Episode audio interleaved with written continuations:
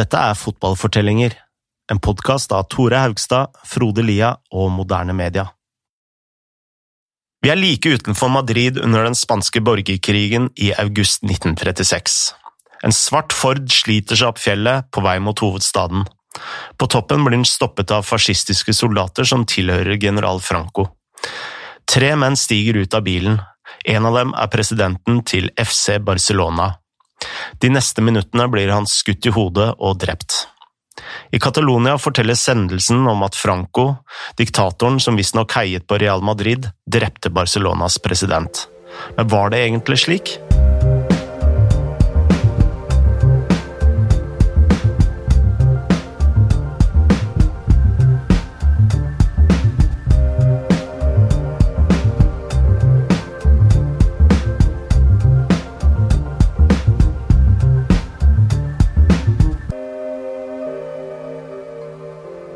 Tore, denne delen av Spanias eh, fotballhistorie er rimelig drøy.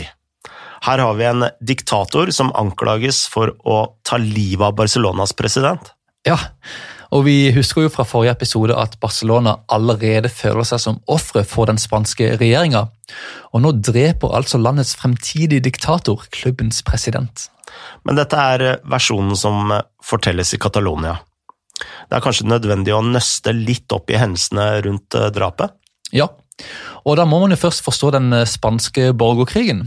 Og eh, den begynte jo kun et par uker tidligere, i juli 1936. Men akkurat hvorfor krigen begynte, er jo litt mer komplisert. Så vi spurte forfatter og historiker Jimmy Burns om akkurat dette. Basically how it started uh, was um, it, it, was a, a, a military, uh, a military, or in, in modern terms, a kind of military coup. I mean, um, uh, a group of of, of generals uh, decided to organize a uh, the equivalent of a kind of coup. It was a military uprising uh, against the the then democratically elected government, which was uh, a Republican government. Uh, you know, the it, it, had uh, supplanted uh, a few years earlier the monarchy uh, with a Republican government, um, and the, the, the, justification for the military uprising uh, was that they it was felt that the Republican government was was becoming too radicalized, too left wing, too influenced by communism. Um, and you know the the generals were supported um, by you know the kind of right wing of of of, of the uh, political uh, world in Spain at the at the time. The the land the, the land owners, uh, sectors of uh, substantial sectors of the Catholic Church, uh, and the aristocracy, um, who obviously felt their privileges uh, threatened. Um, and it was, as I say, a kind of, in, in, in, in more modern terms, it was a classic military coup, which, which of course, uh, in the early days of of the uprising, uh, the, the the generals or, or the you know the up the generals who had who had risen uh, and their troops managed to take some towns around Spain, but failed to uh, in their plan to take over the whole of Spain uh, and there was strong resistance against it, for instance, in Barcelona and in Madrid, uh, which remained in the hands of loyal to the Republican government, and in other parts of Spain, and therefore what what what developed what was effectively a civil war. You had two sides uh, fighting it out. Frode, du har lest en bok på 900 sider om den spanske borgerkrigen. Stemmer ikke det? Det stemmer. Uh, så ok, siden du kan det her uh, bedre enn meg, altså, bare hjelp meg med å forstå akkurat situasjonen her. Altså, Franco og fascistene prøver å ta over Spania. De har inntatt en rekke byer rundt i landet, men de har ikke klart å ta Barcelona eller Madrid. Så nå slåss fascistene mot republikanerne like utenfor Madrid. Det stemmer. Men uh, når vi sier republikanerne, hva, hva mener vi da? Altså, det er en samling av eh, demokratiske partier, anarkister og eh, kommunister. Ok. Og det er mot denne krigssonen da, utenfor Madrid at Barcelonas president kjører kun et par uker etter at krigen har starta. Ja. Uh, i alle dager var det denne presidenten drev med? Altså, var han steingal? Altså, Det vet jeg ikke, eh, men han var definitivt ingen hvem som helst. Han het eh, Josep Sunyol, og innen han kjørte mot Madrid, hadde han vært president i Barcelona i et år. Samtidig var han også mye mer enn en eh, vanlig president, hvis man kan si det sånn. Han var blant annet en liberal politiker og redaktør for den katalanske avisen La Rambla. Det er en rimelig solid CV, vil jeg si. Ja, og vi ville jo gjerne vite mer om eh, denne karen, så vi spurte Sid Love om hva slags status Sunyol hadde i sitt eh, kjære Barcelona.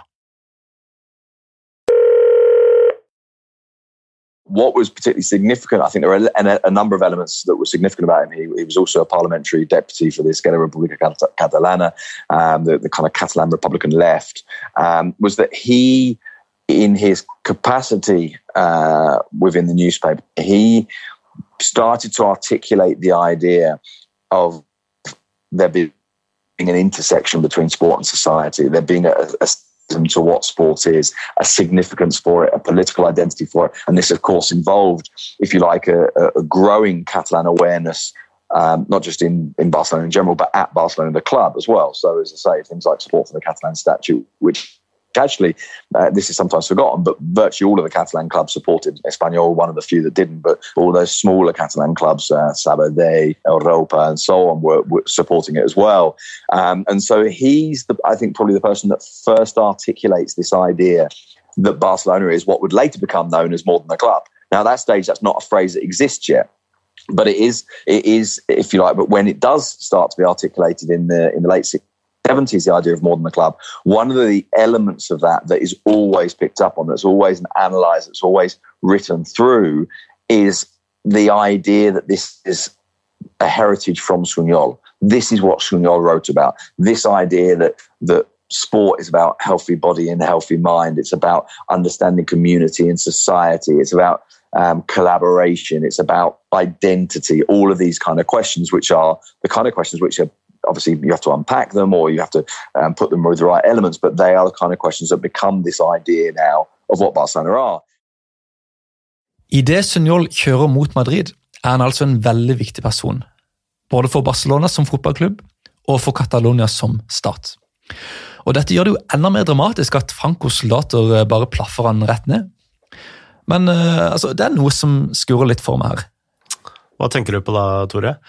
Altså, Mitt inntrykk da, fra det lille jeg har lest om krigen, er liksom at Franco alltid var basert i Madrid, og at republikanerne som slåss mot Franco, hadde base i Barcelona.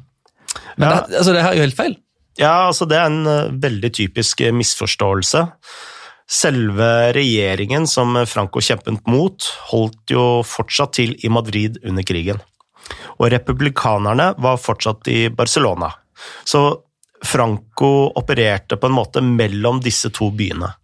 Så når Sunjol kjørte mot Madrid, dro han altså inn i Francos territorium uten å helt vite det? Ja, men slik historien fortelles i Catalonia, skulle man jo nesten tro at Franco personlig hadde gitt ordre om at Sunjol skulle drepes, og slik var det jo ikke.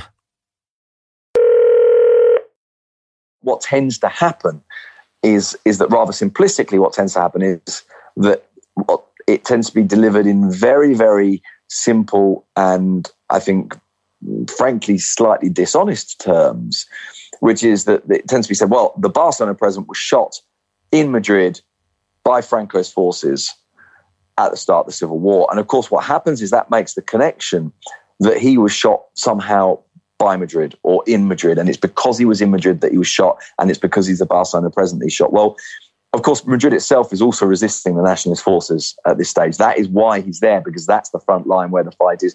He crosses the front line accidentally. There's no evidence, although it's very, very difficult to piece this together with, with, with absolute certainty. There's no evidence that they knew he was the president of Barcelona when he was shot. What they did know is that he was traveling in a car with Republican and Catalan flags, uh, that he was intercepted, that he was clearly Catalan, that he was clearly having crossed the front line it wasn't supposed to, and he was shot and killed because he's assassinated at the start of the war because because his body's never been recovered.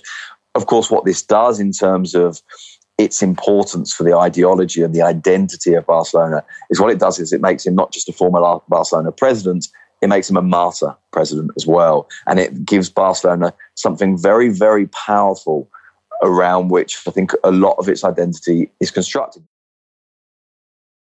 Grovt sett så heter det visstnok at Real Madrid var diktaturets lag, mens Barcelona tilhørte republikanerne.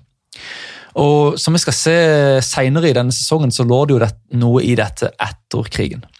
Men i løpet av selve krigen, Frode, var det egentlig slik? Nei, det var det ikke. Real Madrids president under krigen var en kar som het Rafael Sánchez Guera. Og han var faktisk en politiker som sloss med nebb og klør mot Franco. Ok. Men uh, hva med fot altså selve fotballen i løpet av uh, krigen? da? Vi har jo snakka om uh, altså Barcelona, Madrid og, og, disse stedene som byer. Men altså, hva med, altså fotballen? Vi så jo mot forrige episode at Real Madrid endelig hadde begynt å, å vinne. Ja, men det er jo ikke lett å spille fotball når, når det er krig. Og mange av spillerne måtte jo faktisk traske ut i krigssonen med hjelmer og gevær. Og jeg tenker Vi kan eh, høre mer fra Jimmy Burns om eh, hva som faktisk skjedde med Real Madrid og Barcelona i løpet av krigen.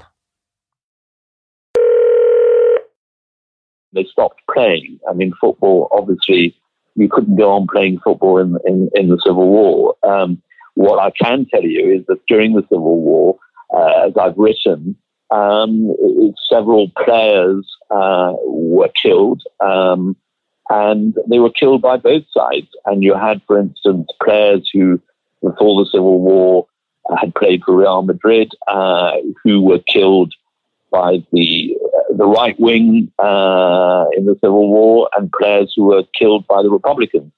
Uh, and in Barcelona, you had um, you know uh, players that were persecuted by by both sides.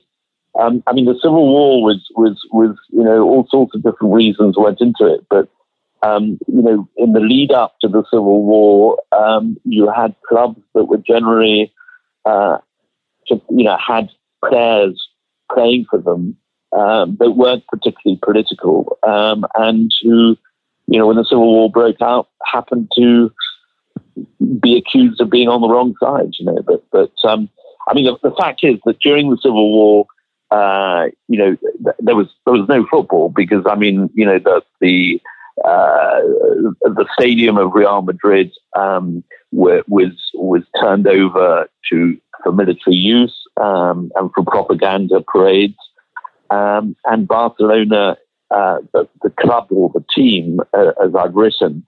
Um, the way they, they, uh, dealt with it was that they they went on a, on an extended tour of um, uh, of, of, Mexico, and they also went to New York, um, w- for which they were paid quite a lot of money for, and that money was was paid into a offshore account in, in a Paris bank and kept there um, by the owners of the club, uh, so that um, whoever won the Civil War didn't get hands on, on that money.